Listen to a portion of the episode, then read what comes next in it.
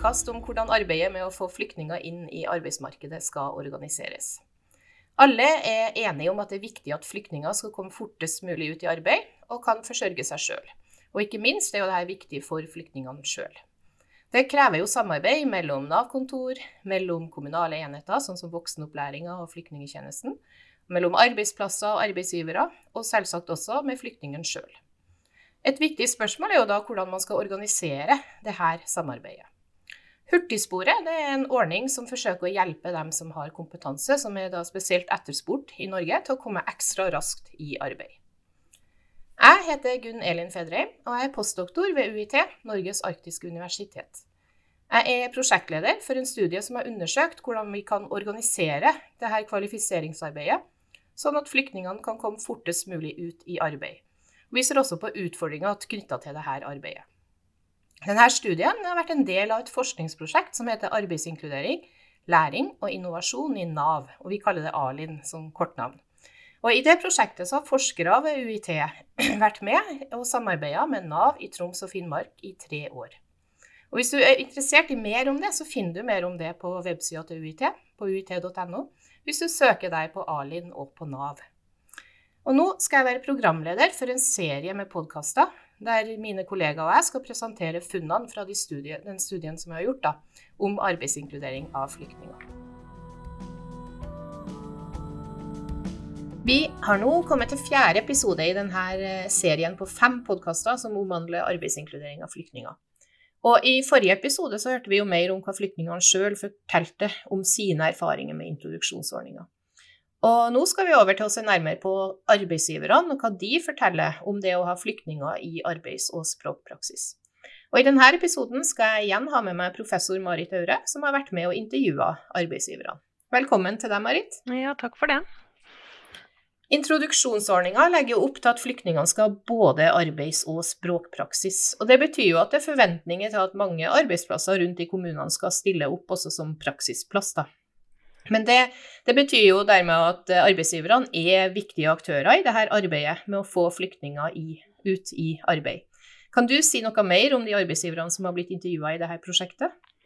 Ja, vi har altså intervjua 15 arbeidsgivere, som stort sett er ledere i offentlig og privat sektor. Og arbeidsplassene de spenner fra sykehjem og skoler og barnehager til hoteller, dagligvarebutikker og andre butikker. Ja, og det var vel arbeidsgivere i de tre ulike kommunene? Ja. Ja. Men hva var temaene i de her samtalene med arbeidsgiverne? Ja, Vi var interessert i erfaringene deres med å ha flyktninger i arbeidspraksis. Og så intervjua vi dem om hvem de samarbeider med, og hvordan. Og her vil vi fremheve tre, tre ulike sentrale funn. Og For det første fant vi at arbeidsgiverne gjerne vil ha mer kontakt med og oppfølging fra introduksjonsprogrammet, flyktningtjenesten og Nav-kontoret lokalt. Og for det andre ser vi at arbeidsgiverne har ulike intensjoner med å ha flyktninger i arbeidspraksis. Og for det tredje vil vi trekke frem hva arbeidsgiverne mener må til for å lykkes i enda større grad med arbeidsinkluderinga. Ja, og jeg tenker Det er jo et veldig rikt datamateriale basert på 15 intervjuer. Da. Men hvorfor er det akkurat de her tre funnene som du vil fremheve? Ja, De her tre temaene de kom opp i alle tre kommunene som vi studerte, så de er gjennomgående. Og Dessuten så ønsker vi å presentere mer om hvorfor arbeidsgiverne da stiller opp med praksisplasser, og deres erfaringer med det. Mm. Og Du sa jo eh, at det første punktet gikk på oppfølging av arbeidsplassene. Kan du si noe mer om det, og hvordan oppfølginga er? Ja, aller først vil jeg peke på at det varierer hvem som har ansvaret for kontakt med arbeidsgiverne. Det varierer nemlig mellom kommunene, og avhengig av hvordan kommunene har organisert arbeidet med å gi flyktningene opplæring i norsk og samfunnskunnskap og hjelpe dem videre ut i arbeidslivet eller inn i utdanning. Målet er jo uansett at flyktningene skal komme i arbeid.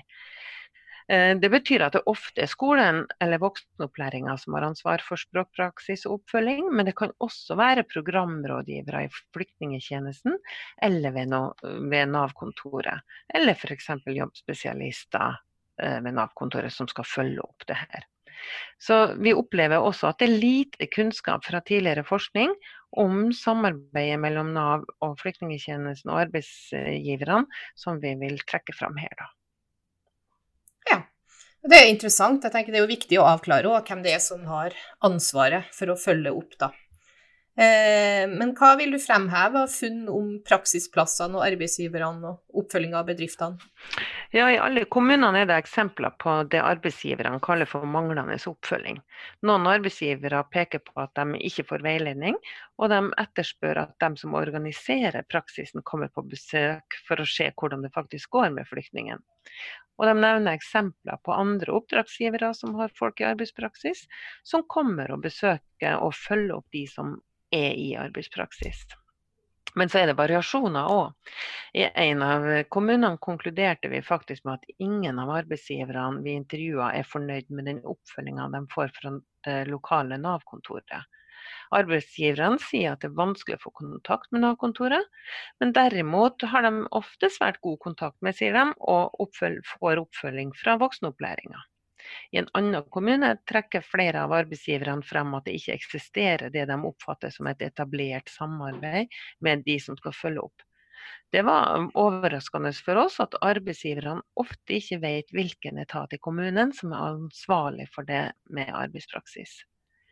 Siden dette er relativt små kommuner, så kan det likevel være slik at selv om arbeidsgiverne ikke vet hvilken etat som har ansvaret for praksisplassen, så kjenner de kanskje personen og har en grei kommunikasjon med den. Poenget er at de ofte ikke vet så mye om hvordan det jobbes med det her med arbeidspraksis. De savner altså både mer kunnskap, veiledning, og at noen kommer og følger opp både flyktningen som er i praksis, arbeidsplassen, og den ansatte som har ansvaret for flyktningen. Når de ikke gjør det her, så ser de jo ikke hvordan ordninga fungerer heller. Det er ikke akkurat sånn veldig positive funn, det her. Men eh, har du tenkt noe på hvorfor det kan være sånn?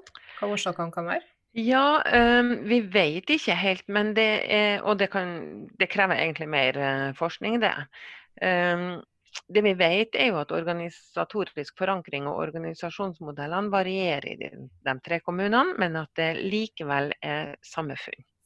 Tidligere forskning har vist at det kan lønne seg å samle ansvaret for kontakten med arbeidsgiverne til bare noen få av dem som jobber med flyktningene og deres kvalifisering, men da får flyktningene igjen flere å forholde seg til. Mm. Så en vi ser også da at en konsekvens av den manglende oppfølginga er at det blir oppretta kontakt mellom de som har ansvaret og arbeidsplassen, først når det oppstår et problem. Og Det forhindrer at en kan ta tak i utfordringene tidlig og faktisk løse problemene. Det kan igjen bety at kommunikasjonen kan få et problemfokus, og i verste fall kan det bli vanskelig å rekruttere arbeidsgivere og få praksisplasser senere. Ja, jeg tenker Det er jo veldig viktig å unngå, for det er jo utrolig viktig for flyktningene at vi har praksisplasser som er tilgjengelige for dem. da. Ja, absolutt. Men det, ja, kan du si noe om, om det er noe om en spesiell type praksis flyktningene har, og hva, hvordan praksis har de, og er det forskjeller på det? Ja, Datamaterialet tyder òg på at det trengs mer tilsyn med hva slags innhold praksisen mm. til de ulike flyktningene faktisk har det å være sammen med en annen flyktning og sortere varer på et lager, er kanskje ikke den mest nyttige språkpraksisen. ikke sant? Flere av våre arbeidsgivere var også opptatt av at de syntes at flyktningene var lite forberedt på forhånd. De kjente ikke nødvendige ord, de var ukjent med sånn som hilsning, kundebehandling osv. Så, videre. så mange arbeidsgivere mener nok at språkopplæringa var lite retta mot praksis, og at det kan skyldes dårlig kommunikasjon mellom arbeidsplassene og skolen, og uklare forventninger mellom dem som har ansvar for skolen og de som har flyktningene i praksis. Og Det taler for at både de som driver undervisning og de som er flyktningene sine primærkontakter, trenger å ha kontakt med arbeidsgiveren, eller at de ulike aktørene eh, sitt ansvar og sine erfaringer formidles mellom dem. Så det krever altså mer koordinering. Samarbeidet med arbeidsgiverne må kvalitetssikres. Og så må vi huske at intervjuene her er gjort i 2017-2018, og det var i en periode med veldig mange deltakere i introduksjonsprogrammet. Så det er klart at arbeidspresset for dem som jobber med flyktninger, særlig i den perioden, var veldig stort. Og det har nok påvirka samarbeidet med arbeidsgivere. Ja, det er jo logisk å tenke at det har en effekt. Eh, det neste punktet som du nevnte, det gikk vel på motivasjonen til arbeidsgiverne til å ha folk i praksis. Og her har jo tidligere forskning vist at de arbeidsgiverne både er på en måte motivert av muligheten for å få billig arbeidskraft, hvis vi kan kalle det for det, men òg at de ønsker å ta et samfunnsansvar og være en del av den jobben, da. Så eh, er du enig i det, eller? Ja, det har du helt rett i. Og vi ble jo overraska over hvor mange av arbeidsgiverne som vi intervjua, som faktisk ønska å bidra til at flyktninger kan få arbeidspraksis. Uh, I en kommune så var det en arbeidsgiver som sa at dette er noe de vil gjøre, ikke noe de må. Men det er også noen som sa at de så på det å tilby arbeidspraksis som en måte å skaffe seg billig arbeidskraft på. Så da kan noen også ha det som et mer sånn langsiktig mål med det å tilby arbeidspraksis? Ja, det, det, tror jeg. Noen sier jo at de motiveres både av muligheten for å teste ut nye ansatte, og et ønske om å oppfylle et mer sånn generelt samfunnsansvar. Funnene våre er sånn sett helt i tråd med det Juve og kollegaer har vist. Ja, og du nevnte jo også et tredje punkt som jeg tenker det henger jo tett sammen med det at arbeidsgiverne ønsker å ta et sånt samfunnsansvar, og det var hva arbeidsgiverne mener må til for å lykkes. Ja, vi spurte arbeidsgiverne om det. Og eh, det som er interessant, er at de altså ønsker et mer forpliktende samarbeid med myndighetene og tettere oppfølging. En arbeidsgiver peker faktisk på at de gjør en ganske omfattende og viktig jobb som de ikke får noe som helst opplæring i. Og på en arbeidsplass er det ofte slik at eh, noen ansatte har mye ansvar for flyktningene, men de vet lite om hvordan de skal gjøre det, og de kunne tenke seg litt mer påfyll og også takk eh, for hjelpa. Mm. Som en leder sa, at noen av hans ansatte bruker masse tid og energi og mye omsorg for å prøve å hjelpe og lære opp folk som har en veldig fremmed og noen gang ganske krevende bakgrunn. Mm. Særlig den ene kommunen etterspør også arbeidsgiverne kommunene som arbeidsgiver.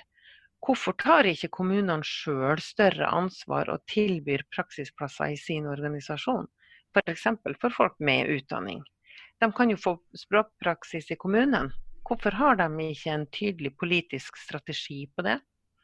Og det her er helt i tråd med tidligere forskning som viser at politisk forankring kan bidra til raskere arbeidsinkludering, og at det sies at det også kan bidra til et bedre samarbeid. Ja, og Da tenker jeg det viser jo at funnene henger veldig godt sammen. For hvis det er sterkere politisk forankring, så kan jo det bidra til bedre samarbeid. Og jeg tenker det vil jo òg kunne bidra til enda sterkere motivasjon da, hos arbeidsgiverne. Ja, det er helt klart at det her henger, henger sammen, det, det, er logisk. Men det er også et paradoks at den arbeidsgiveren som faktisk er ansvarlig for introduksjonsprogrammet, ikke sjøl evner å stille praksisplasser utover noen i barnehage- og omsorgssektoren. I kommunene er det jo tekniske avdelinger, administrasjon, økonomi. og her er også vårt funn i tråd med tidligere forskning, som bl.a. peker på at private arbeidsgivere tilbyr arbeidspraksis i større grad enn offentlige, og at det faktisk bare 15% av kommunene har vedtatt at kommunene skal stille med praksisplasser sjøl. Og det er tall på nasjonalt nivå? Det er litt sånn ja, si, det her er på nasjonalt. det er nesten, ja, ironisk, siden kommunene er ansvarlig for introduksjonsprogrammet. Men eh, hva mener du da at vi må gjøre for å lykkes i større grad? Jo, vi mener jo da basert på, på intervjuer og analyser, og særlig det her med samarbeidet mellom voksenopplæringa og flyktningtjenesten og Nav-kontorene, som krever mer koordinering og mer eh, samarbeid, eh, slik at det blir tydelig hvem som har ansvar for språk og arbeidspraksis. Og at arbeidsgiverne kan få mer opplæring. Det trengs relevant og kortfatta informasjon, opplæring og systematisk oppfølging både av arbeidsplassene og selve arbeidspraksisen for flyktningene. Og kommunene må sjøl forplikte seg til å tilby arbeidsplasser, og arbeids, arbeidet må forankres politisk. Slik vi ser det, så er det ikke arbeidsgiverne sin vilje det står på, men kanskje heller den overordna satsinga i kommunen. Og det er jo viktig å forankre det her arbeidsfokuset i hele samfunnet, og ikke minst hos alle som jobber med flyktninger, og da hos politikerne som styrer det her. Ja, og det høres jo logisk og ganske ikke rimelig økonomisk, men greit ut. Men du har jo snakka mest om eh, språk og arbeidspraksis her. Vil du si at det, det, det samme gjelder for de som ønsker å komme ut i varig arbeid? Ja, absolutt. Arbeidspraksis kan jo være veien inn i varig arbeid òg. Men det vi ser er jo at da må det tilrettelegges på en best mulig måte, slik at arbeidspraksisen blir god, at den er kvalitetssikra og faktisk følges opp på en skikkelig måte. Slik at flyktningene både får opplæring og får sjanse til å vise at han eller hun kan mestre den jobben de gjør. Ja, flott. Eh, takk for denne samtalen, Marit. Det er jo spennende funn og interessant å høre om.